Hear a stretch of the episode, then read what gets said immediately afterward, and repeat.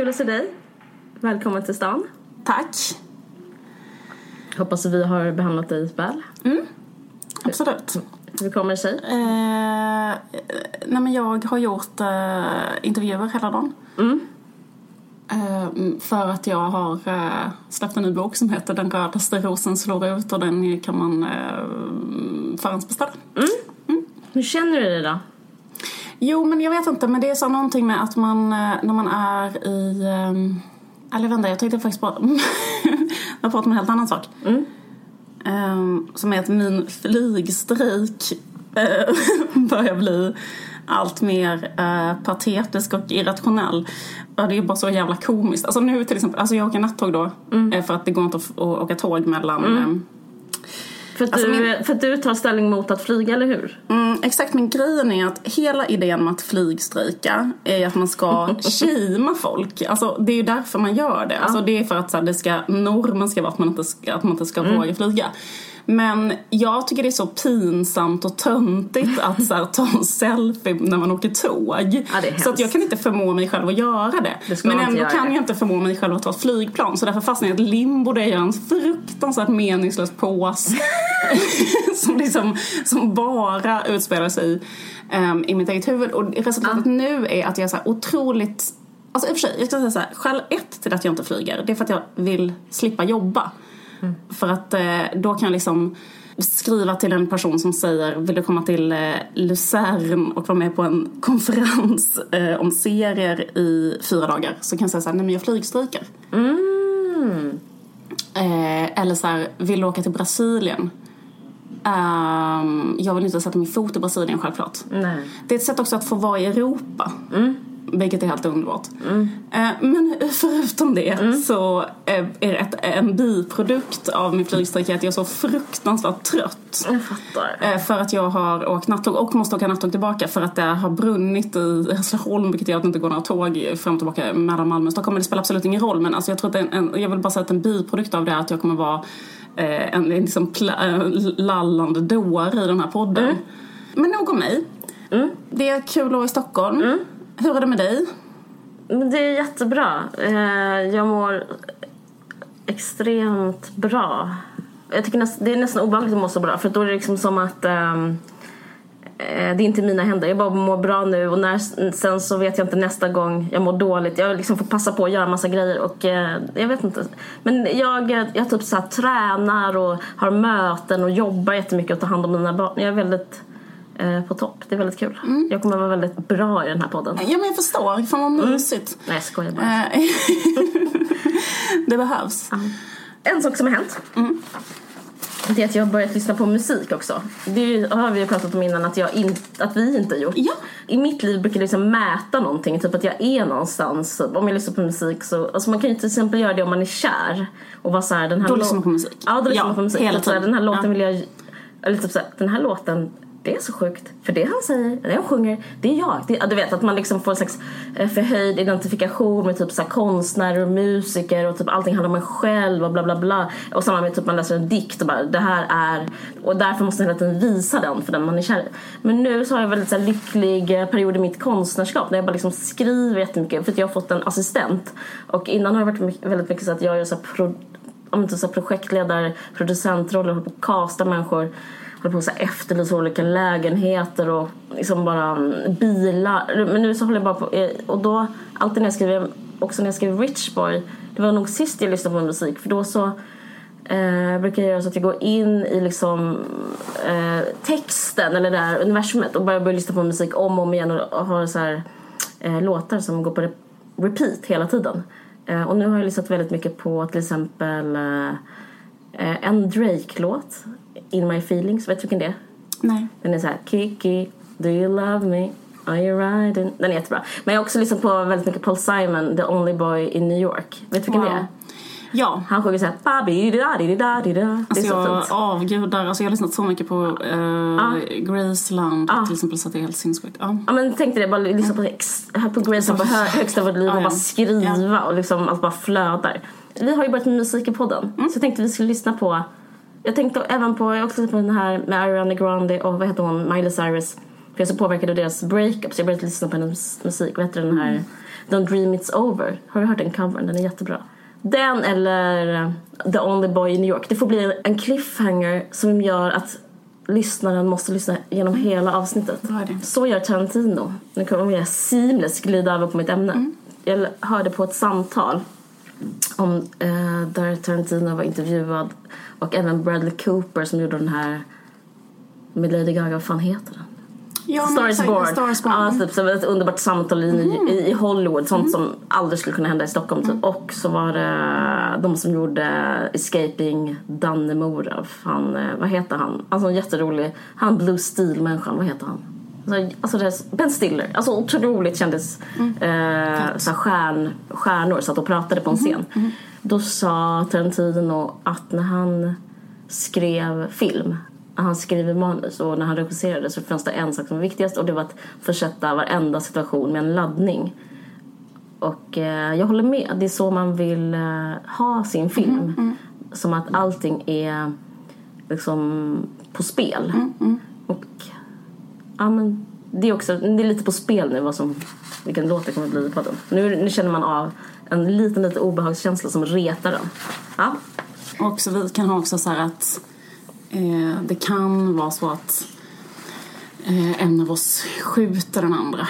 Ja men precis, eller att vi får en här- konflikt. Ta- Tarantino menar jag skulle kunna ha Ja, men det här verkligen. Jag liksom mördar dig på ett bestialiskt sätt, kanske. Verkligen. Alla väntar på att det kan hända, eller tvärtom. Ja. Eh, det är lite hans, hans grej. Ja men verkligen. Eh, att det är liksom hela tiden så eh, som- jätteobe- något jätteobehagligt kan hända. Och eh, så var det verkligen i hans senaste film. Att eh, jag hade liksom hört om den och läst om den och då var det så här, det, för, för den har fått kritik. Han har fått kritik för att han till exempel har våld i sina filmer. Och därför var jag så beredd på det här våldet. Och eh, det är ingen spoiler, jag kan bara säga att det är inte så mycket våld.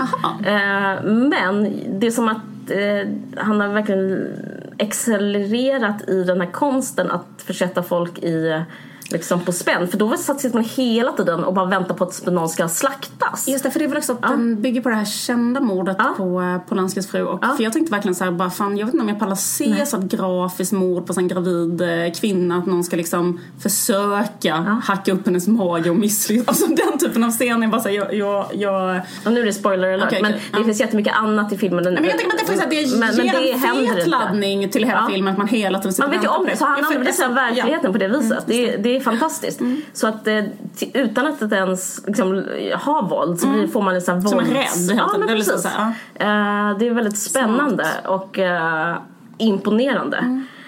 Nej men jag vet inte, det började med att jag hörde på den här podden Red Scare och då pratade de om att, och då hade de inte de sett den Eh, sen stängde jag av podden. Eh, för jag, pallar, jag vill liksom inte säga någonting som någon annan säger. Men de sa en sån sak som jag tycker är väldigt intressant. Att den fått väldigt mycket hat och att i The Guardian så stod det en eh, text som var så här eh, med rubriken eh, Is it time to cancel Tarantino? Eh, och de var så galet eh, arga över det här Ja. eftersom de inte tycker det är time to cancel. Ja. Och jag kände också en slags rage för att samtidigt hade jag eh, sett att i Sydsvenskan så hade en man, eh, jag ska inte använda adjektiv, en man gett, eh, en journalist då, gett Tarantino en etta. Och liksom det, jag, får så här, jag blir så här sjösjuk, jag fick nästan svindel eftersom att han anses eh, Ja men typ som eh, vår tids bästa regissör, alltså modern tids bästa regissör tillsammans med kanske Lars von Trier och Haneke och någon till. Det var, eh, jag minns såhär, Bergmanåret så gjorde de, eh, åkte de runt så på olika filmskolor, var en del av Bergmanåret.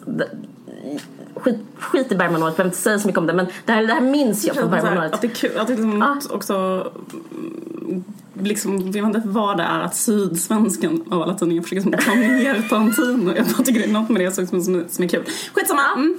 Ja, jag har så mycket att säga om det här. Så, jag, förlåt. Ja, jag, jag kommer, säga, jag kommer prata om Mikael Tapper heter han. Nej men då, så, då var det typ så, jag minns att det var typ i New York, typ den filmskolan där och eh, dansk filmskola som var så här, att eh, det stod i DN så här. Men det intressanta är att eleverna, vart vi än typ åker, eh, studenterna, de har ingen relation till Bergman längre utan det är någonting man känner till som var en del av filmhistorien som typ, ah, på, det fanns stumfilmer förr i tiden och det fanns Bergman på 60-talet men typ den de håller högst och som är så här en pågående gud och som de spärras mot är um, Tarantino. Det, eh, och, och då, jag vet inte, det, för mig var det en ögonöppnare för jag har alltid tänkt som Tarantino som en, av- en av de här mainstream personerna. Men det är sant, han har ju förnyat genren och att det, fin- det finns ingen annan, det finns ingen så här, man kan inte mäta honom med någon annan.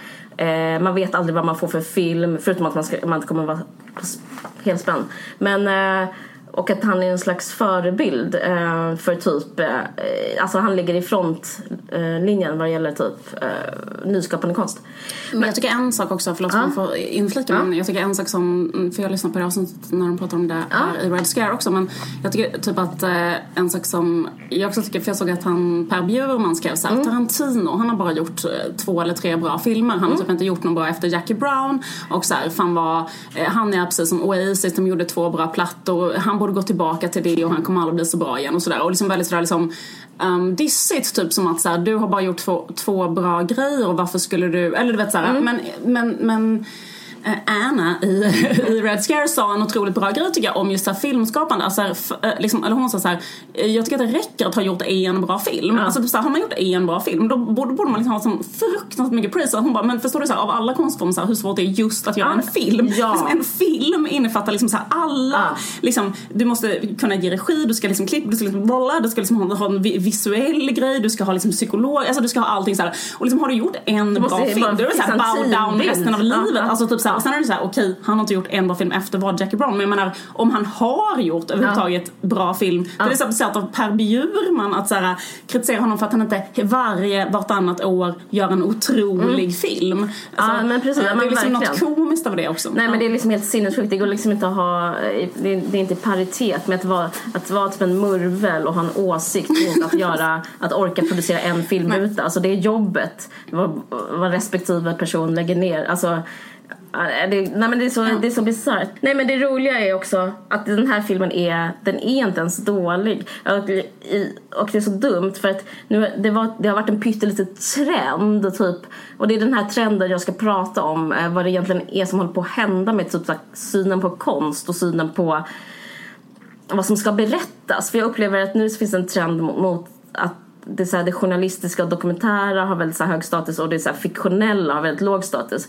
Men i alla fall, det finns en trend som är lolligt nog på Twitter där många har fått, det finns en slags eh, inom situationstecken hatstorm mot Tarantino.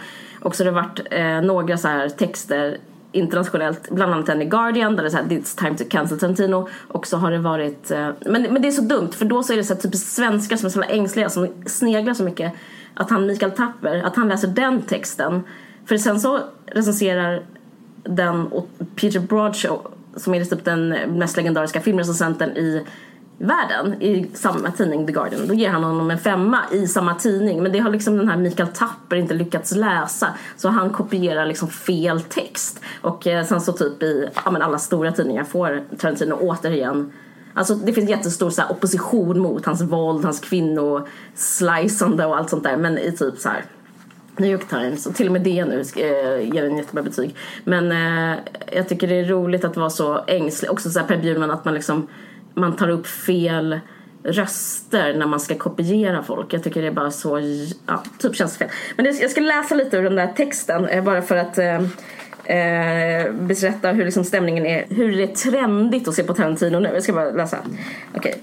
When use broke early last year that Quentin Tarantino had cajoled Uma Thurman into driving uh, an unsafe car during the filming of Kill Bill, which resulted in a crash. The director called it the biggest regret of his life. Soon after, reports came out that he had spat Thurman during filming and choked her in one scene, as well as strangling Dan Kruger in a scene in Inglourious Bastards. The question now is, is it time to cancel Quentin Tarantino? Ja, jag tycker det är så intressant för att det handlar om saker som hänt under filminspelningen. Alltså, det han näm- alltså i den här texten, du hör ingenting om en film. Nej, nej, nej. Du hör ingenting om en konstnärlig kvalitet. Du hör ingenting om blev den bra den scenen när hon fick en bilolycka? Alltså det är ju, det är ju extremt att prata om men man måste nog ändå göra det för att, att skriva om att, man ska, att ett konstnärskap ska avslutas på grund av eh, det där personliga och privata, det som är utanför Alltså det, först trodde jag bara, det, innan var det ju bara pöben men det är intressant att, typ, att även så journalister har börjat så här, eh, skriva det. Han tar också upp i den här artikeln att vad heter han, Roman Polanski, han ligger med en 14-åring och eh, blev landsförvisad och det. Mm. De hade en fest, han och Jack Nicholson och, och då har Tarantino sagt eh, Han våldtog en 14-åring. han våldtog, vet jag. precis. Och då har Tarantino sagt att det inte var våldtäkt utan Mm, just att det är så här, men eh, det är inte våldtäkt för att hon typ var med på det. Och det är, så här, och det är också typ, tar han upp som ett skäl att Mm. cancella Tarantino. Och det är kanske inte så snyggt sagt. Men det är ändå liksom det är ändå, säger fortfarande ingenting om hans film. Jag ska, skriva, jag ska läsa upp vad Mikael Tapper skriver i Sydsvenskan. Men eh, det är liksom, ehm, eller vad det är, är att det är det som eh, Pol Pot höll på med i Kambodja. Eller typ att eh, man, eh, nej alltså det här är jätteöverdrivet men ta det med en nypa salt. Men grejen är så här, Stalin till exempel i Sovjetunionen. nej men liksom att, att man liksom utrotar eller man vill inte ha människor, alltså till exempel att han förbjöd Anna Akhmatova att skriva dikter och hon var inte en särskilt politisk poet överhuvudtaget. Nej. Hon var bara liksom en briljant poet. Hon var bara världens bästa poet. Men det räckte att hon var bara världens bästa poet som var otroligt älskad av folket. Och liksom när världens bästa poet var briljant och jätteälskad av folket eh, bredvid honom så var det så jobbigt så att han förbjöd henne att skriva och hade henne i, i liksom inspärrad i en, eh, liksom hon fick aldrig, alltså hon fick bara, hon fick inte publicera någonting, hon fick bara bo i, alltså hon hade husarrest. hon bara, liksom bara sluta Eh, skriva. Mm. Hon, hon fick bara sluta, hon blev cancelled. Eh, men liksom eh, med, med liksom någon diffus eh, förklaringsmodell eh, kring liksom att hon var en fiende till staten och något liknande. Men jag menar, det, det, jag vet att detta är en jättedrastisk och liksom citera inte mig nu jävla text om att jag säger det här. Men jag menar att det finns ett mått av det när man ser liksom att man inte står ut med en människa som är liksom otroligt bra på det den gör och då vill man ha ett sätt att klösa ner den personen. Eh, och man kan inte göra det med att säga att den är dålig, man Nej. kan inte göra det liksom, men ett sätt att göra det är att säga så här: den sa, den sa fel grej där, den, den, den skildrar något som inte är moraliskt korrekt.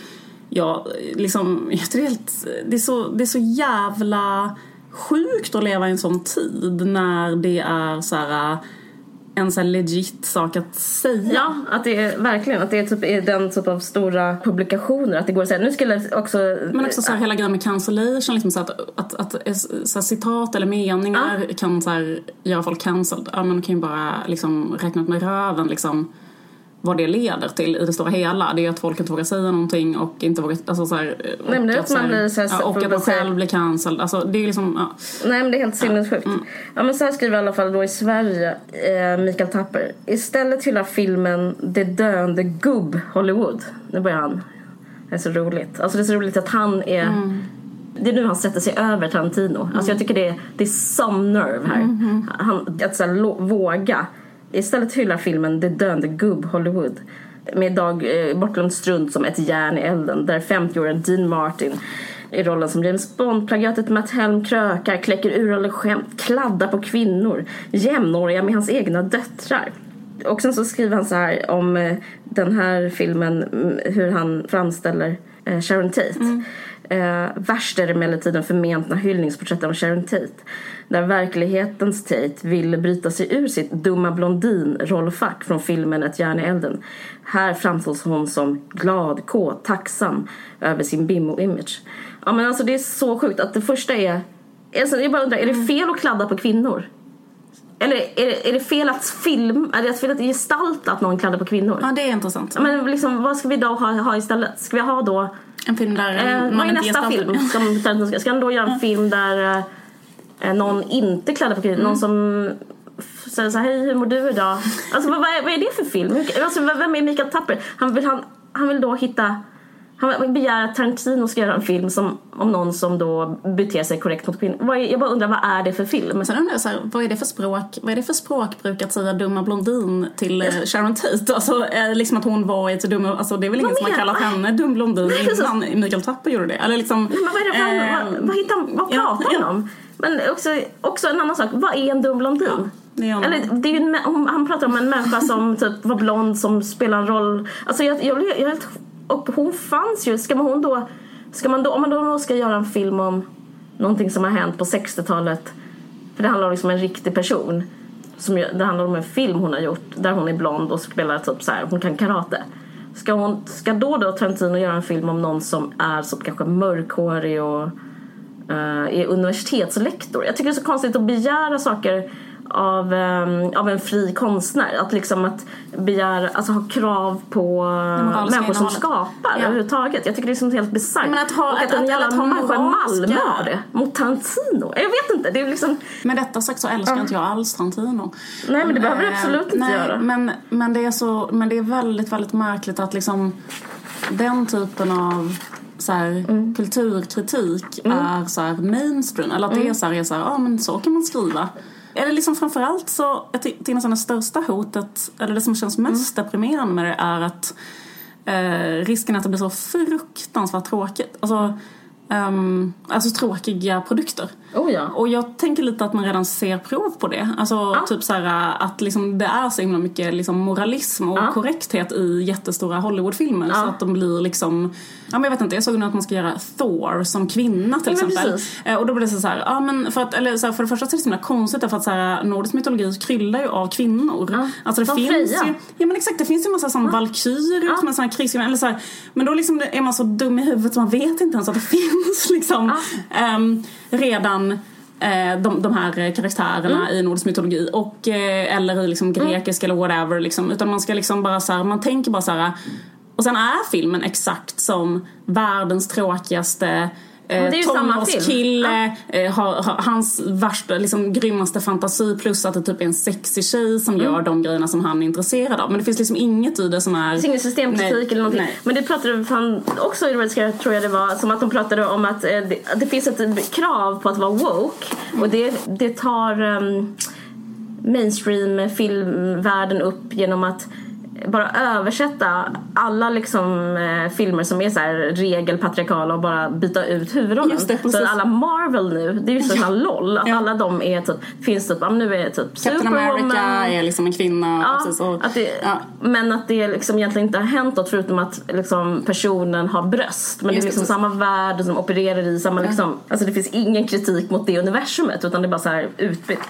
Och, och, så, och då blir alla så här: oh my god yes, eh, typ eh, nu är Stålmannen en tjej. Fan vad starkt. Ja, men det är lite så här, det är exakt samma, det är som, vad ska man säga, vad heter det, genuswashing eller Ja, det är det. liksom, Mm. jag vet inte, vad heter det pink-washing? Det kanske är en hbtq, eh, ja, men du vet, ja, men det är lite som när. IKEA har Men typ så här, nu har vi greenwashat Ja, det något skit liksom. Jag ska inte gå in på det. Nej men jag, det, det jag, tycker, jag tror att vi har varit inne på det innan så jag ska inte köta. Nej. Men det jag ska säga som jag tycker är intressant är att dels har det här hänt men liksom, i andra vågskålen om det finns en slags bina, binaritet, kan man säga så? Att det är binärt mot att ju, ju lägre eh, konstnärens status är desto högre är journalistens. Och det tycker jag ser, alltså att Mikael Tapper ens liksom vågar skriva en etta till den här. Liksom det handlar om också att en journalist är någon slags sanningssägare och samma, jag tror den där Gösta av Lukas Moodysson, det tycker jag också var liksom som nerve att jag vet inte, mm, att inte ens ge den en trea i det, den fick en tvåa. Det är liksom, det är, mm, det är så otroligt eh, grymt att liksom, men, men, och det säger någonting om en, ett berättigande som eh, journalister har nu. Som, så trenden är, liksom journalisten har pinsam hög status. Och eh, till exempel när jag var och såg på den här filmen eh, eh, Once upon a time in Hollywood då var det tre andra filmer i Sverige och det, är liksom, det görs kanske fem om året och tre av dem är just eh, sådana här journalistfilmer som, är, som jag har förstått är en slags, ja skitsamma, Quick till exempel. Det här är det som kommer ska du få höra. Filmen om Thomas Quick premiär 20, 20 september. Och eh, den är regisserad av Mikael Hofström med manus av Erland Loa. Och den handlar om, vad fan heter han? Man bytte namn nu. Just det, precis. Eh, jag vet, du är skitsamma. Ja. Eh, och sen så den här True Crime-podden som heter Spår. Nu, den ska bli en film. HBO Nordic ska göra ett drama om Knutby. Eh, och det är ju liksom, om man kollar vad som är, går hem i poddstugorna, alltså i stugorna vad det gäller poddar så är det ju också true crime. Eh, jag vet inte vad det heter på svenska men du vet, det är så här Krim. krim, precis. Och sen så en sak som verkligen fick mig att dra på smilgrupperna är den här filmen om Martin Schibbye och eh, Chibi Chabi. Chibi och Chabi. Ja precis, men absolut. Jag vet vilka de som är. eh, ma- vet du, det. Mm. Varela, Mattias Varela ska. Mm. spela. Alltså, ja, men jag bara tycker det är så kul. Eh, jag vet inte, men eh, för jag, jag vill bara liksom få in där att jag, jag vill verkligen säga att jag hatar true crime. Alltså jag, jag brinner för att hata true crime. Jag har inte förstått riktigt varför, men nu har jag också förstått varför. Alltså jag liksom det är typ min största passion är att hata true crime men jag har inte kunnat motivera det. Men, nu, men sen så har Toni Morrison dött. Och då så, ham- så länkar liksom olika människor jag följer någon text i The Paris Review of Books och bla bla bla. Och då läste jag det här, ett citat. Hon skriver Oppressive language does more than represent violence. It is violence. För de, det som är signifikant för de här, så här true crime-poddarna och det, det är att det ofta så här, det, det rättas i scener, i presen. Så här, ehm, typ kvinnan, eller namn, typ Kerstin går in, ehm, skär sitt barn i ansiktet. Eh, barn, eh, typ, vad heter hon nu, typ så här, Stella gråter. Alltså sådär är det hela tiden. Och att det, och det är så himla populärt. Och att jag tycker det är så svårt. Men, men det är för att det är i sig är våldsamt. Och det är liksom någon slags eh, skillnad mot konst. Alltså, Det är inte lite så som att ehm, människor lyssnar, eller liksom, det finns också en genre som är så till exempel um, ligga med P3 eller sådana program.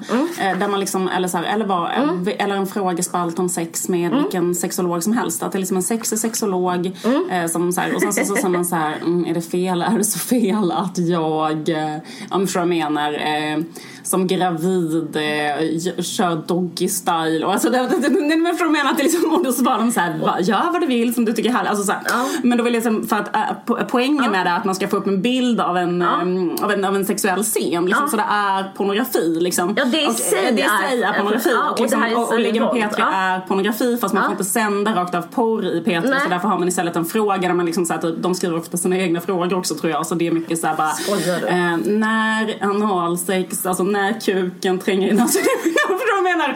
Ja, Och, eh, och nu blir det gör här, ont ja. och jag säger Ja. nej men ändå, alltså du vet så här, och alla bara okej, okay, så fortsätta lyssna med pretexten att vi får information om sex men grejen att, nej men exakt, detta är samma då istället för att så här, titta på en um, splatterfilm Mm. Så, så det nästan blir nästan ännu Ja, mer kisslande när man då vet att det har hänt på riktigt. Ja, precis, Eh, precis. och det är Ja. farligt och det kan hända här och man får den här kittlingen att eh, tänk om, tänk om eh, mördaren kommer hem till mig. Ja, ja. men, men våld för att det ska vara liksom, vad ska man säga, efter... Socialt accepterat. Nej, men, ja, men eller för jag, jag måste bara, jag får utgå från mig själv, men för våld ska vara, ehm, jag, ska, jag ska inte säga nyttigt, men eller effektivt, men liksom för att jag ska, för det ska bidra med någonting, för att jag ska liksom eh, förstå min samtid, alltså via våld, så tror jag att det måste ske i liksom en konstnärlig kontext. För det andra blir som att jag utsätts för våld. Men i fiktion så bearbetar man våldet. Alltså det är ofta, alltså publiken och tittaren har en förförståelse som är så här. Eh, det här är på film och liksom eh, och det, gör, och det, det är så intressant för den grejen har funnits typ ända sedan antiken. Att så här, de grekiska dramerna, alltså splattergrejer. Och det är liksom, och, det, och jag bara tänkte på det. Men det är ju liksom, då hade man den här grejen att så här, tron på katarsis. Alltså det betyder rening. Och det är det som inte infinner sig med de här true crime grejerna. För då är man bara, då får man liksom inte den här bearbetningen av det påminner lite om terapi, att man går igenom någonting som har hänt och man återberättar någonting och att man liksom man spelar upp det men liksom i Ja, men, men så pass liksom civiliserat att man tar på sig en mask. Att, men för att man vet så det är någonting ruttet i vårt samhälle och det är till exempel våld. Men för att vi ska liksom äh, förstå vår samtid så måste vi ändå visa våld. Och det är ju det typ Tarantino gör. Alltså han måste visa våld om han ska berätta om eh, till exempel vad som hände med typ, hur var hippierörelsen? Det, är otroligt bra gjort att eh, den här liksom negativa bilden av hippierörelsen i den här Once upon a time in Hollywood. Eh, fanns det liksom förtryck inom den, då måste han gestalta ett förtryck. Eh, Då kommer man längre en slags förståelse för livet, vem man är, vem man, ens föräldrar är, så här, vad, vad, vad, vad populärkulturen handlar om, bla bla bla. Medan den här true crime grejen är att bara vara i någon slags våld och aldrig bli förlöst. Eh, liksom, ah, det är därför man känner sig så här, och det känns också lite såhär, men det är lite som porr, det är lite som att bara, oh, Nästan som att man, man vill skaka av sig det och så känner jag inte alls efter jag sett den här filmen. Då känner man snarare så renad och liksom allt känns helt underbart igen.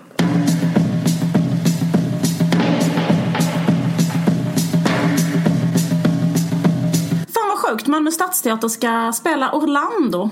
Den har vi pratat om. Vi hade ett citat från Orlando, kommer du ihåg det? Virginia Woolfs eh, helt underbara bok Orlando. Ett eh, fucking mästerverk. Fruktansvärt kul och intressant. Ehm, Jenny Wilson medverkar. Du skämtar? Framför nyskrivna låtar. Fan vad underbart. Och de spelar till och med 19 oktober. Och man kan läsa mer på malmöstadsteater.se Orlando. Och vet du vad? Jag vet, jag kan säga det. Man får 25% rabatt. Lägg av. Det är sant. Det är för mycket. Nej, det är bara så. Nu, man, går, man får rabatt, man skriver in rabattkoden VARG och sen så köper man bara biljetterna på hemsidan så får man 25%. Så det är väl, det är väl liksom ingen, inget att prata om, det är bara att göra det. Fan vad kul. Så jävla kul. Ehm, Orlando, Malmö Stadsteater. Underbart. Du skickade en eh, länk till mig. Som var en tråd eh, från familjeliv. Ehm, jag, kan, eh, jag kan läsa högt. Gör det. Ehm, kille som lyssnar på tjejpoddar normalt? Frågetecken. Och det är då skrivet av en anonym person, som en tjej som skriver så här. Eh, Min kille lyssnar på två poddar med bara tjejer. En vargsexing-podd och Della Q. Eh, jag har själv inte lyssnat och har inte så bra koll på poddar i övrigt. Därav denna tråd. Start med kanske en eventuellt dum fråga. Jag undrar om det är normalt att killar slash män lyssnar på poddar med bara kvinnor. Gör ni män det? Min jämförelse med det skulle vara att han följer till exempel en blogg skriven av en kvinna och jag har av någon anledning svårt att förstå varför han skulle göra det. Men det kanske är jag som har ett feltänk men har svårt att förstå vad som skulle intressera honom. Ska försöka lyssna själv för att förstå men tänkte bara höra om det är något som är helt normalt eller inte. Har som sagt inte koll på poddar. Skriver på telefonen så sorry för eventuellt stavfel. Älskar henne som har skrivit det och hon har inte några stavfel. Nej. Hon är jätteduktig på att skriva. Och eh, hon eh, blir då eh, Hon blir nedsablad så det stänker om det. Svar. Ehm, en rolig, en lustigkurre som kallar sig Rymdens vampyrer skriver. Nej, det är inte normalt. Tänk dig själv, en tjej som lyssnar på killpoddar. Usch. eh, du förstår alltså inte hur en man skulle kunna ha utbyte av en kvinna på ett intellektuellt eller humoristiskt plan? Frågetecken. Ja, det vore ju jättekonstigt om du lyssnade på poddar gjorda av män också, eller? Förstår du ironin? Eh, en riktig liten, eh, en riktig liten besserwisser som kallar sig själv för Pope Joan den andra. Eh, också en eh, bisarr folkgrupp i samhället som eh, tror på den här historiska myten att det har funnits en kvinnlig påve, vilket det inte har gjort. Men då skriver, håller man på med det här Pope Joan, att det var en, påven Johanna fanns och så vidare. Eh, knuten näve. Märk. Eh, hon skriver så här. Eh, vad ska vara onormalt med det? Lyssnar inte du på en manlig sommarpratare? Eller en man som blir intervjuad av en annan man? Läser du inga ledare skrivna av män? Så de tycker att eh, den här tjejen är en idiot. Men eh, för det första så är det absolut inte samma sak att eh, lyssna på, eller liksom läsa en ledare eh, som att lyssna på en podd. Verkligen inte. Det är uppsökande verksamhet på ett helt annat sätt. Exakt, plus att det är så här jättepersonligt tilltal i en podd. Oh ja. Eh, och det handlar inte alls om en liksom, åsikt. Nej, nej, nej. Så att, jag vet inte. Ehm, den, eh, liksom, om han slaviskt lyssnar på en varje podd eh, i liksom timme ut och timme in. Eh, då tycker jag absolut att hon ska göra slut. Hoppas att hon lyssnar, att hon har börjat lyssna på podden. Ja, verkligen. Hoppas hon har lyssnat, börjat lyssna på den. Jag tycker också det. För att eh, då är han ju kär. I oss. Ja, i oss. Ja, men det är klart att han är kär i oss. För att grejen är så här, men alltså vad jag tyckte var intressant var så här att, ehm, för att hon skriver också senare så att hon är svartsjuk. Mm. Och då blev de jättearga också, de andra människorna. Just det. Hon är så himla ärlig och typ har kommit så långt med sina tankar. Så Exakt. de, står inte de ut med det. Precis.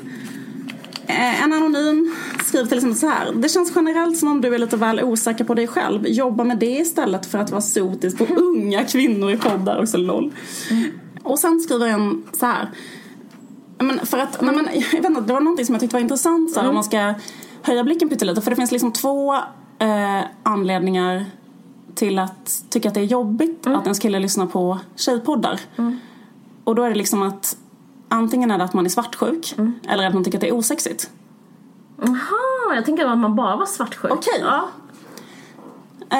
men jag bara fick typ en... att det var bögigt. Ja, precis. Okej. Nej men alltså att det finns Nej, nej, en... men jag dömer inte. Jag, bara, jag, bara liksom, jag tänkte bara att eh, svartsjuk. Att för jag, för jag, för vi, vi har ju båda läst den här så jag liksom tänkte också så här, what if, typ min kille. Men jag skulle också bli arg om min kille lyssnade på... eh, Tjejpoddar? Ja. Ja men absolut, men alltså mina killar lyssnar på tjejpoddar. Jag och min kille lyssnar hela tiden på en amerikansk tjejpodd. Jag tänkte inte säga namnet för då kommer alla jävla idioter skriva tips om den idén och vill inte det. Men grejen är så här, att, eh, exakt, och han lyssnar på den. Och jag också, vi liksom, båda vi älskar den, vi lyssnar på den. Skillnaden är att han också är kär i de som gör podden. Såklart, men de är också jättesexiga. Som gör mig också då liksom rasande av svartsjuka. Så Ja. att jag kan liksom 100% relatera och, ehm, eh, och då skriver en till exempel ett trådsvar så här, som är så här.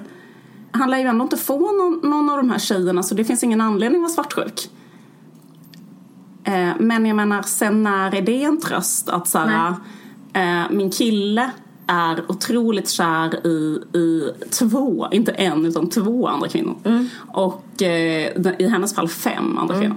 Och ehm, eh, hur ska man göra det? Men skitsamma. Eh, men om jag ska lyfta blicken pyttelite från, från det här och det är så på ett sätt en ganska intressant situation därför att ehm, för, jag vet inte om du minns hur det var år eh, 2005 eller år 2000, säg år 2010. Fram till år Kanske, jag vet 2010 så lyssnade killar inte på en enda tjej som gjorde musik. Ja. Killar lyssna, skulle aldrig få för sig att ehm, läsa en kvinnlig författare. Eh, killar skulle aldrig ehm, Det tror inte jag de är fortfarande för det Eh. finns ingen som kollar upp det på samma sätt. Nej, det finns ingen som, alltså då var det bara bögar har alltid, eh, pra- praise the Lord, eh, har alltid eh, eh, uppskattat kvinnors konstnärskap, eh, kvinnliga liksom, eh, skådisar, författare, eh, sångerskor, med. Mm. exakt, hållit på jättemycket med det och kvinnor har hållit på med det.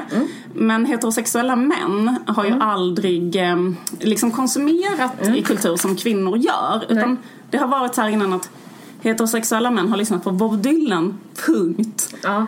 Ehm, Sen kom det en kulturell rörelse och jag kommer till och med ihåg att det var en kille som var med i typ Nyhetsmorgon och berättade att han, jag vet inte om du minns detta, jag kallar detta för paradigmskifte för heterosexuella män. Det var en kille som var med, med i Nyhetsmorgon, detta måste ju ha varit typ 2013, 2014. Och då sa han, han var bara typ en anonym bloggare som hade liksom hittat på ett, ett, ett, ett, ett tricks för att få vara med i Nyhetsmorgon. Och Tricket var att han på sin blogg kanske hade uppmanat till så här ett år av ehm, att bara konsumera kvinnor som Ja. gör kultur. Ah.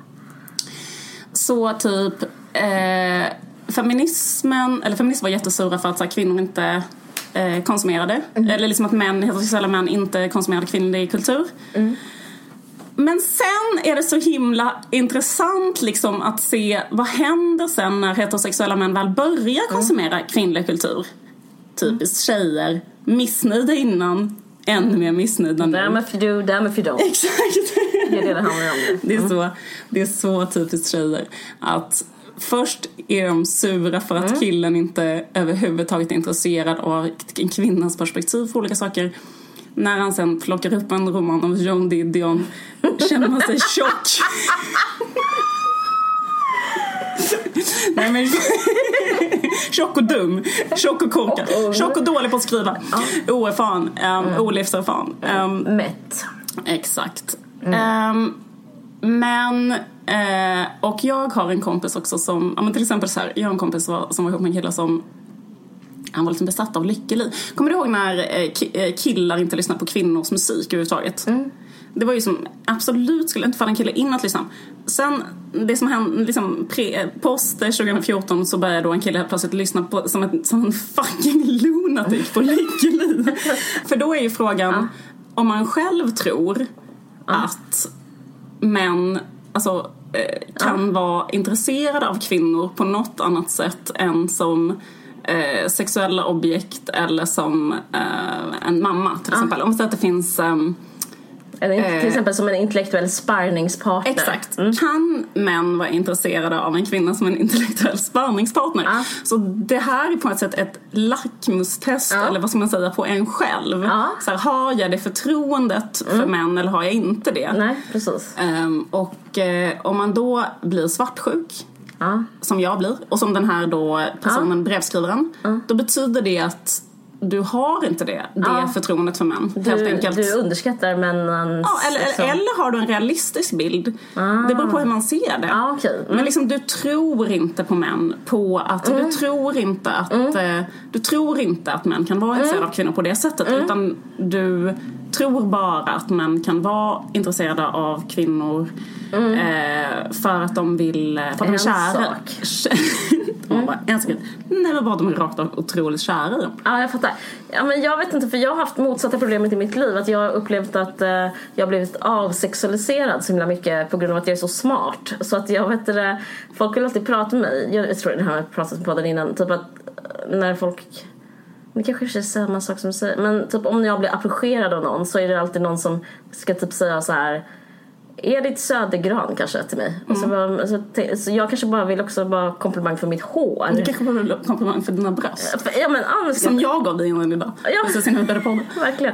Och, och istället för typ så här, titta på mig och säga men jag vet inte, ja men typ Tarantino. Nej men alltså, säg, alltså det är så, så hemskt för mig när killar Okej, pratar med mig så om du sånt. tror att killar kan vara intresserade av eh, kvinnor? Alltså du ger den här brevskrivaren eh, och mig ett hopp eh, Ja, och för att, för att du jag får att... otroligt mycket Asexuell eh, reply guys, alltså otroligt mycket personer, otroligt många killar skriver till mig om just typ så här. mm, Ja men typ saker vi pratar om podden, jag får alltid olika Okej, men du tror inte att det är, att, alltså, det är för att de är kära i dig?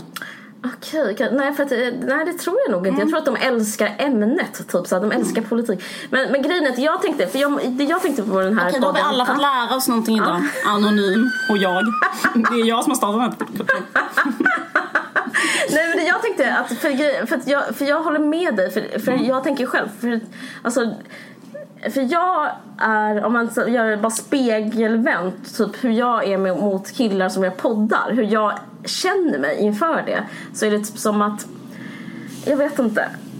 Jag tycker det är jättesvårt att ens lajka någon killes Eh, alltså vänner till mig.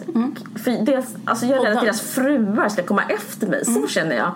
Typ om, eh, Det känns raggigt. det känns för det är raggigt. Alltså, alltså det tar i och för sig emot vad jag sa precis. Nej men hon har rätt menar jag. För jag känner mig så...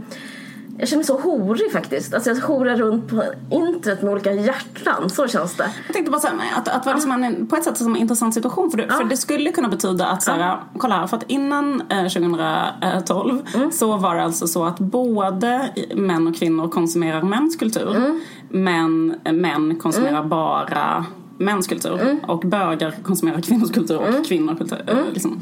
Mm. Um, så då borde ju liksom män eh, hela tiden ha levt i situationen att så här, eh, min tjej är liksom kär i, säg um, Robert Smith i The Cure eller hon är kär i Tupac. Alltså vad jag menar, liksom, om, om hon lyssnar på den musiken. Men jag har aldrig hört en kille uttrycka det problemet. Nej. Jag tycker det är så svårt hur man ska bete sig. Alltså vett och etikett i... Det känns väldigt eh, horigt. Eller liksom raggigt att säga så här, vad bra du var. Ty- Tycker du inte det? Alltså gör du det? Alltså, Jag, jag höll på att säga att jag har aldrig varit i den situationen att jag har Nej, men jag lyssnade faktiskt på- Bra. Wow. Nej, men, Nej, men jag lyssnade på, vet du, eh, bara för liksom, jag lyssnade på eh, Jonathan och Ola och då tyckte jag, pratade om Jonathan, jag tyckte han var så himla kul.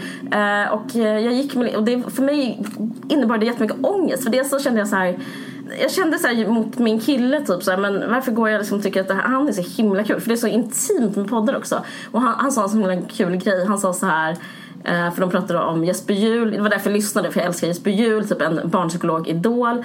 Eh, och det kom fram till typ att Jonathan var så dålig pappa och då sa han ett så kul skämt som jag bara liksom, ja men som en, i en raggningssituation, att när någon skämtar mot en så skrattar man. Alltså exakt så det som händer. Så han sa så här, är det här en podd eller en intervention? Och då skrattade jag jättemycket. Och då ville jag göra någonting med min glada känsla och uppskattning, mitt porlande skratt. Jag ville vara så här, jag ville liksom ge det till honom. Men om jag gjorde det, då skulle det kännas som jag eh, Horade ut. horade ut jättemycket och liksom Och jag, jag visste inte hur jag skulle gå tillväga och jag kände men jag kan inte ens lajka så jag tänkte ska jag lajka Ola så ska jag skriva liksom massa positiva till Ola. Det skulle kännas jättekonstigt. Eh, för det, det är min, ja, det är min kompis. Och sen så bara, men till slut så gjorde jag det att jag skrev till Jonathan eh, ändå. Men då försökte jag skriva det som i tredje person och skriva så lite objektivt journalistiskt. Vad kul det var typ Alltså jag riktade mig inte mot honom utan jag skrev så här, vad kul det var när Jonathan sa det där. Ja. Eh, för att liksom vända mig mot lyssnarna istället. Men eh, jag kan... Du hade kunnat starta ett fejkkonto kanske med Ja. en, annan, en annan användare. Men jag vill inte inleda något för jag vet vad som händer. För det som händer när man, när man skriver till någon på internet, vet du vad som händer då? Nej. Då svarar den. Och sen så typ har man en full-blown romans. så jag vet inte, jag vet inte. Så du har, alltså jag tycker hon har rätt, det är det jag vill säga också. Men absolut, hon har ju, hon har ju rakt av rätt och det är helt sinnessjukt av dem att eh, sabla ner henne. Men Mm. nu ska jag säga att jag, eller för jag fortsätter forska detta och killar eh, kan höra av sig på ett Hur forskar du? eh, Nej men, eh, nej, men alltså jag, jag har fiskat för att jag har pratat med lite olika människor om detta. Men jag, eh, killar eh, kan på ett asexuellt sätt höra av sig också ifall de har en upplevelse av att deras flickvänner är liksom besatta av en killpodd eller en kill och om de blir svartsjuka. För, att, för grejen att jag hörde faktiskt en om en kille vars, han var otroligt svartsjuk för att hans tjej var helt besatt av Knausgård. Och läste liksom Min kamp och liksom var helt liksom, alltså, förstörd av Min kamp. Liksom, Att det var så bra. Så här, du vet hur man är när man läser det. Liksom. Och han var så här, jag fattar att så här, jag kommer aldrig vara så här intressant. Jag kommer aldrig kunna fängsla henne på det här sättet. Jag har inte det här djupet. Jag har inte, alltså vad du menar? Och det är liksom, och det är liksom helt, bara, det är helt out there. Det är klart att det är så. Det är så att Knausgård är liksom... Um, Men hur mådde han av det då? Nej men skit! Ja, ja, ja, Skit, säger det. skit, skit! Så här, kul att ligga bredvid på kvällen i en dubbelsäng och hon är inne på trean och fyran och liksom plus att Knaus är liksom Anders Nej, sex på ett alltså helt sjukt sätt. Alltså hela, hela, hela liksom Sverige, det- Norge och det är det är Danmark kan vibrerar av hans liksom erotiska utstrålning Ja, som liksom verkligen. cirklar runt hela norra Europa typ. Alltså, Det är men så, så, det, så, så, så är det ju eh, helt klart. Så att, eh, eh, liksom, men, men, men jag bara funderade på att det var liksom intressant om det är så ett, eh, ett nytt problem som har uppkommit i um, spåren av den här då eh, feministiska eh, kravet på att män också ska konsumera kvinnors kultur. Och sen när de väl har börjat göra det så känner man att eh, vad fan, eh, jag, jag, jag, jag tänkte inte att vi skulle ha liksom ett öppet förhållande. jag vill liksom inte... Nej men jag kan förstå också, nej men det är också, kan man inte bara liksom, det är ju också lite konstigt. Alltså det är ju också, varför ska de just, just göra, alltså jag fattar inte. Alltså jag tycker en sak med böcker, det är en sak, men just med poddar känns det liksom, vad, vad, vad, vad, vad, ger, vad har hon som inte jag har? Eller liksom, Nej, men- men så kan, inte, känner- kan inte vi bara prata istället? Alltså jag vet jag känner mig kluven för samtidigt så välkomnar jag att, typ att knulla med fans. Alltså förstår du vad jag menar? Det är liksom någonting som, inte att jag ska göra det, jag bara menar att det, tänk om, det, tänk om livet kan vara så att även gamla kvinnor kan få så här unga fanskillar. Är inte det något underbart? Jo, alltså absolut. Jag menar, du menar att eh, liksom, huruvida du är för eller emot... Eh, Alltså jag menar att så här, man kanske ska liksom bara ja, men alltså det är självklart, alltså självklart... försöka, eh, ja, Ja. men att, såhär, för att eh, en, den här sociologen som jag konstant pratar om Mm. eh, är taltrött åt, eh, nämligen Eva Illouz.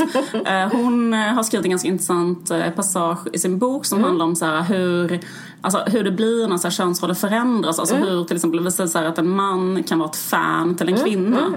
Eh, såhär, och hur det då ehm, ruskar om i det som hon kallar för den så semiotiska, semiotiska säkerheten. Att man har så här, eh, typ, eh, vad ska man säga, så här invanda mönster. Till exempel tänk dig så här, gentlemannen och eh, dockan eller något liknande. Som kanske män och kvinnor 100% betedde sig, alltså när de var i social samvaro så hade de ett jättesäkert, de hade en otrolig semiotisk säkerhet i så här, hur ska, det är så här, oj damen öppnar dörren för dig och då tappar du den och får jag ta din väska och får jag ta, vill ta mitt paraply eller bla bla bla. Och sen så kvinnan liksom beter sig som så här en ovetande, liksom lite så här inkapabelt barn typ och mannen är liksom så här hela tiden artig och så här, och, och att i den typ säkerheten eller den dansen så finns det så här fruktansvärt mycket så erotisk laddning och eh, det liksom går ut på det att hela grejen är bara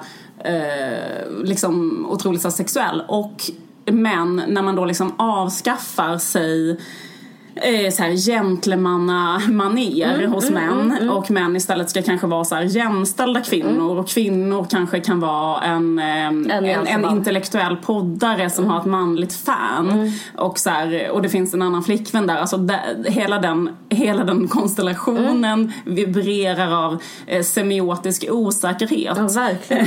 och, eh, och liksom Eva Ilosic är väldigt positiv till att man så här, kan ändra såna liksom, eh, så här, eh, eh, sexuella liksom, eh, mönster men hon menar så här att det kan bli otroligt osexigt och det osexiga är osäkerheten i det. Liksom att det finns ingen, så här, det finns ingen självklar så här, tryggt Nej, nej. sätt att vara utan vi är, liksom, vi är en period nu där vi liksom famlar och det där famlandet är fan avtändande. Men är, liksom, är vi det då? Jag inte, det, det händer ju inte i IS direkt det här. Alltså jag menar det är väl Nej. bara typ, det känns som så liten...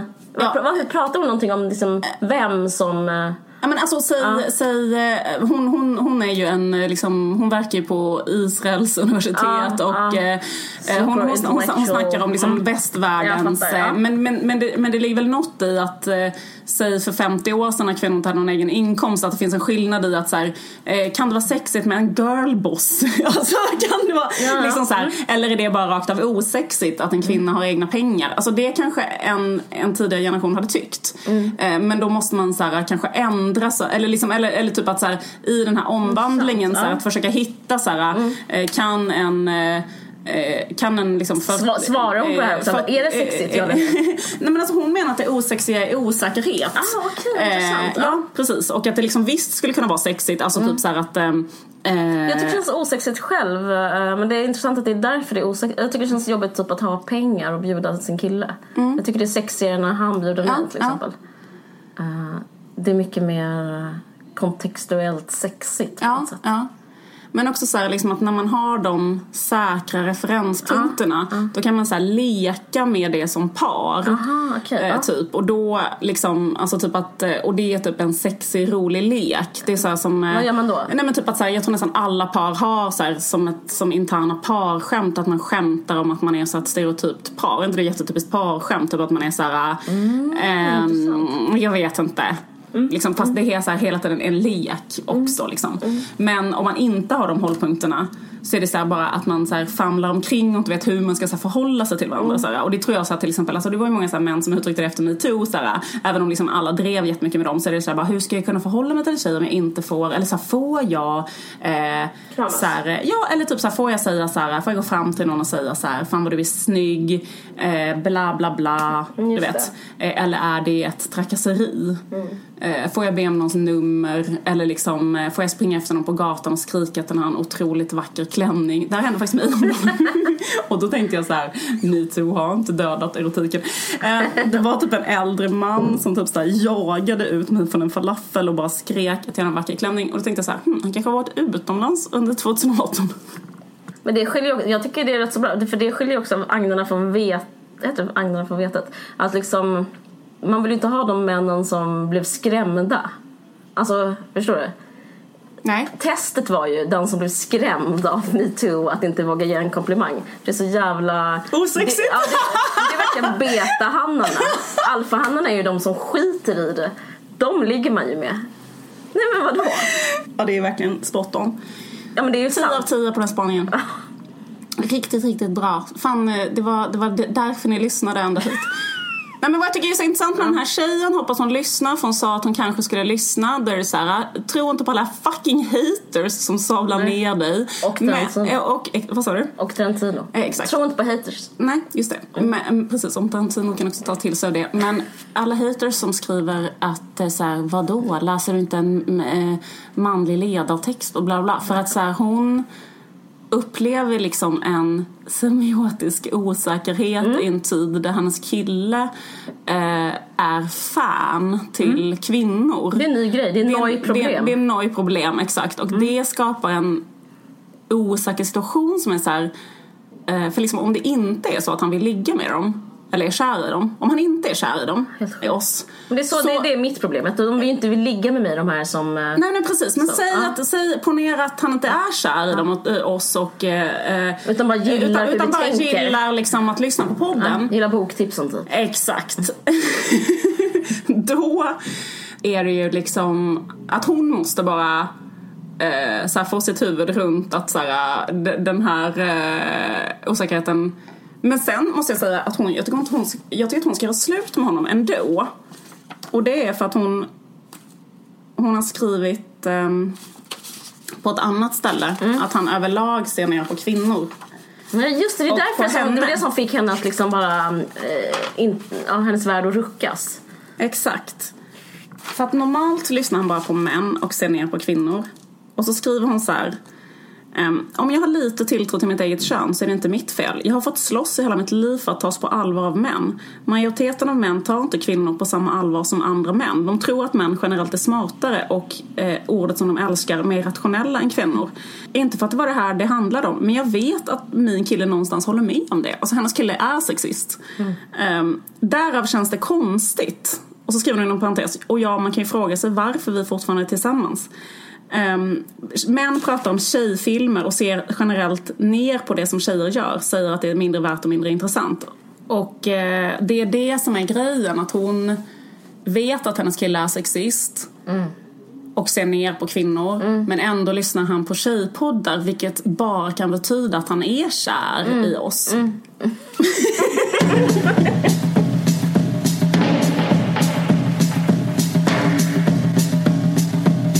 Nextory, Nextory, Nextory. Det är så gött att Nextory är med oss. Jag är så glad. Otroligt. Eh, så himla kul. Eh, och eh, det Jättekul är för våra lyssnare. att ha ett gigantiskt bibliotek med Ja. sig vart man än går i sin mobil. Ja men också till exempel, nu har vi pratat om eh, John Didion och då kan man bara gå in och så kan man bara ladda ner en ljudbok med Mm. John Didion. Till exempel eh, Blue Nights som handlar om eh, moderskap. Om man är en jävligt woke tjej så Ja. kan man ju liksom ladda ner uh, John Didion bok till sin kille och man tänker inte vidare på det utan man har en kör. otrolig liksom, eh, säkerhet. Man känner sig absolut inte tjock bara för att ens kille läser något av John Didion utan det är bara så jävla lugnt. Ehm, och eh, då kan man också uppge kampanjkoden VARG Ja. på nextstore.se snedstreck kampanj och då får man den första månaden gratis. Fan vad skönt. Jag ska läsa den här boken själv, eh, Blue Nights. För Mm. den, den handlar om hur hon är, hur svårt det är att vara mamma. Typ. Inte för att jag tycker det är svårt, skoja. Det är svårt för alla.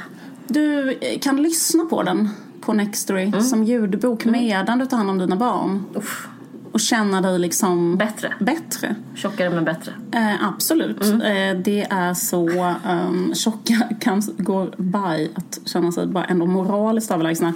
De andra behöver inte göra någonting. Om man är så smal som John Didion så behöver man liksom inte ha någon annan egenskap.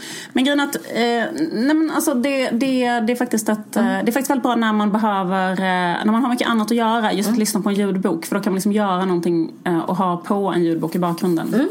Eh, vilket gör eh, vilket eh, görs möjligt av Nextory. Plus att, ehm, att Nextory, Nextory jag börjar prata med fransk brytning.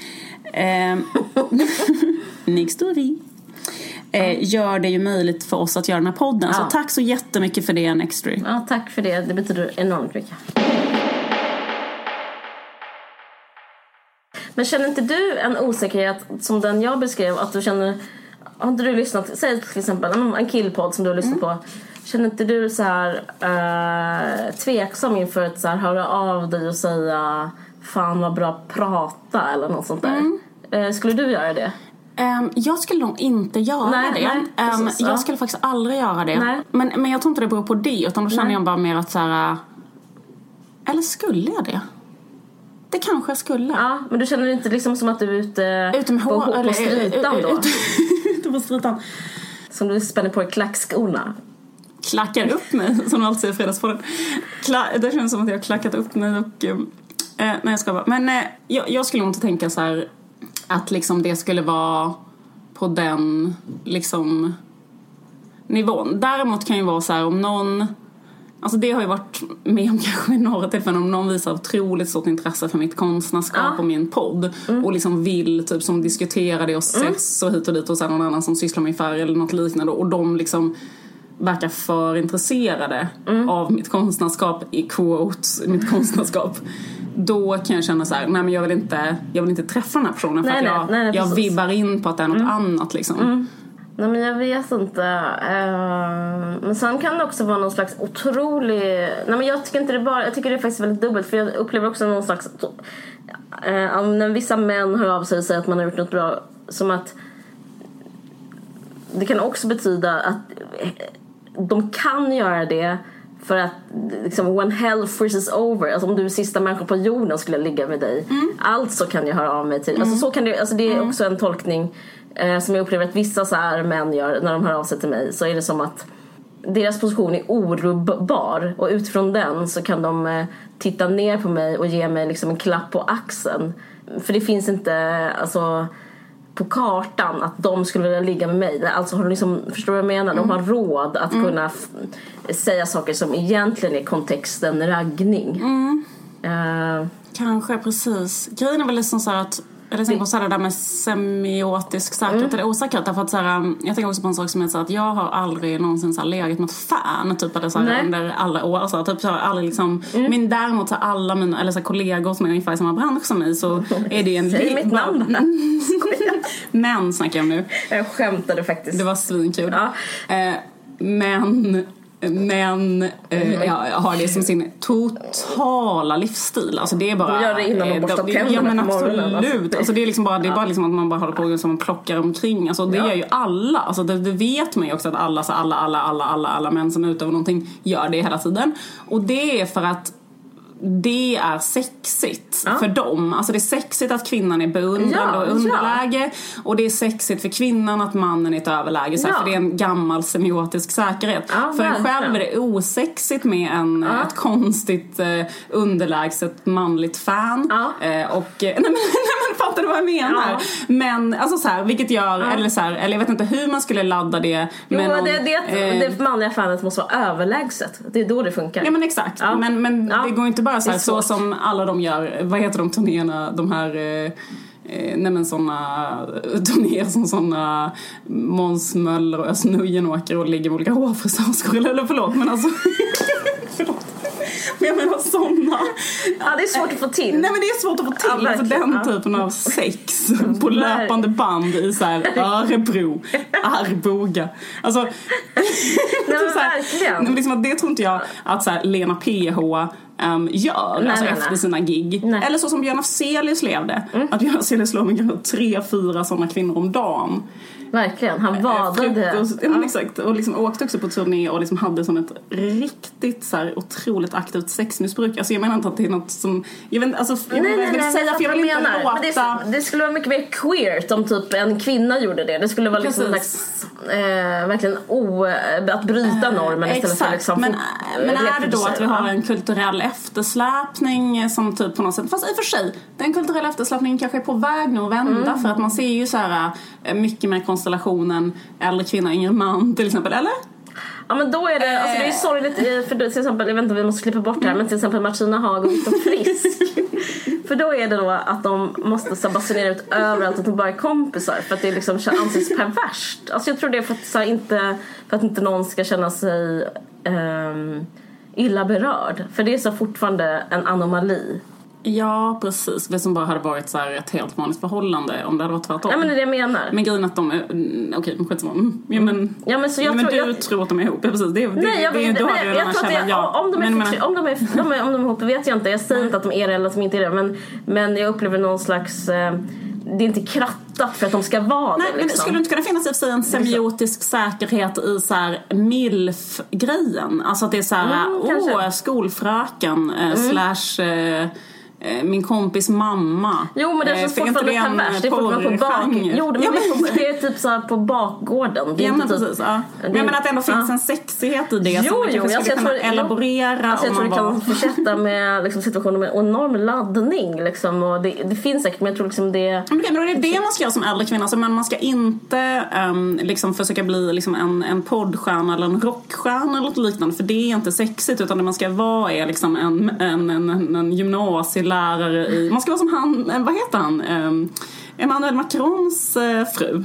Hon Ja, är väl alltså det? man ska vara liksom fucking perfekt. Man ska kunna liksom så här, vet du det, eh, ta en sån mynt som studsar på, man ska vara så fast i så Ja. att ett mynt studsar på ens bröst. Och, Och vara ha 70. ett thigh gap som Ja, man kan köra en lastbil genom. Så ska man vara. Och sen så är liksom, då, då är det verkligen, eh, då är kusten klar. Jag ska göra en eh, svinexklusiv turné. Oho. som kommer ske i november. Eh, och eh, jag Kommer till ska, huvudstaden något? Ja, det kommer jag. Den 6 november kommer jag till Kinateatern. Det är en så kallad kväll. Eh, och den kommer innehålla samtal, musik, eh, kanske visa serier, prata om eh, intressanta ämnen, bla bla bla bla. Och jag kommer också vara i Malmö på Operan, vilket kommer bli underbart. underbart. Det är ett samarbete med Malmö Opera, det kommer också innehålla opera. Eh, man kan nu köpa biljetter till eventet i Malmö. Det är den 2 november, alltså på allhelgona. Och redan nu kan man eh, kirra sin biljett om man går in på Malmö Operas hemsida. Yes. Ehm, så gör det. Sen kommer jag komma till Stockholm 6 november, Göteborg 11 november och Umeå 25 november. Men de biljetterna är inte släppta än. Men ni kan ju hålla ögonen öppna och jag kommer typ skriva på mitt Insta och jag kommer kanske säga det här också när eh, det kommer De också kan man inte köpa än. men då kan man inte köpa en. Men eh, man kan köpa Malmö 2 november. Operan, guys. Finaste stället i Malmö. Mm, helt underbart det var det. Tusen tack för att ni har lyssnat. Tack för att ni har lyssnat. Puss och kram. Vilken låt blir det? Eh, det blir The Only Living Boy in New York av Paul Simon. Wow.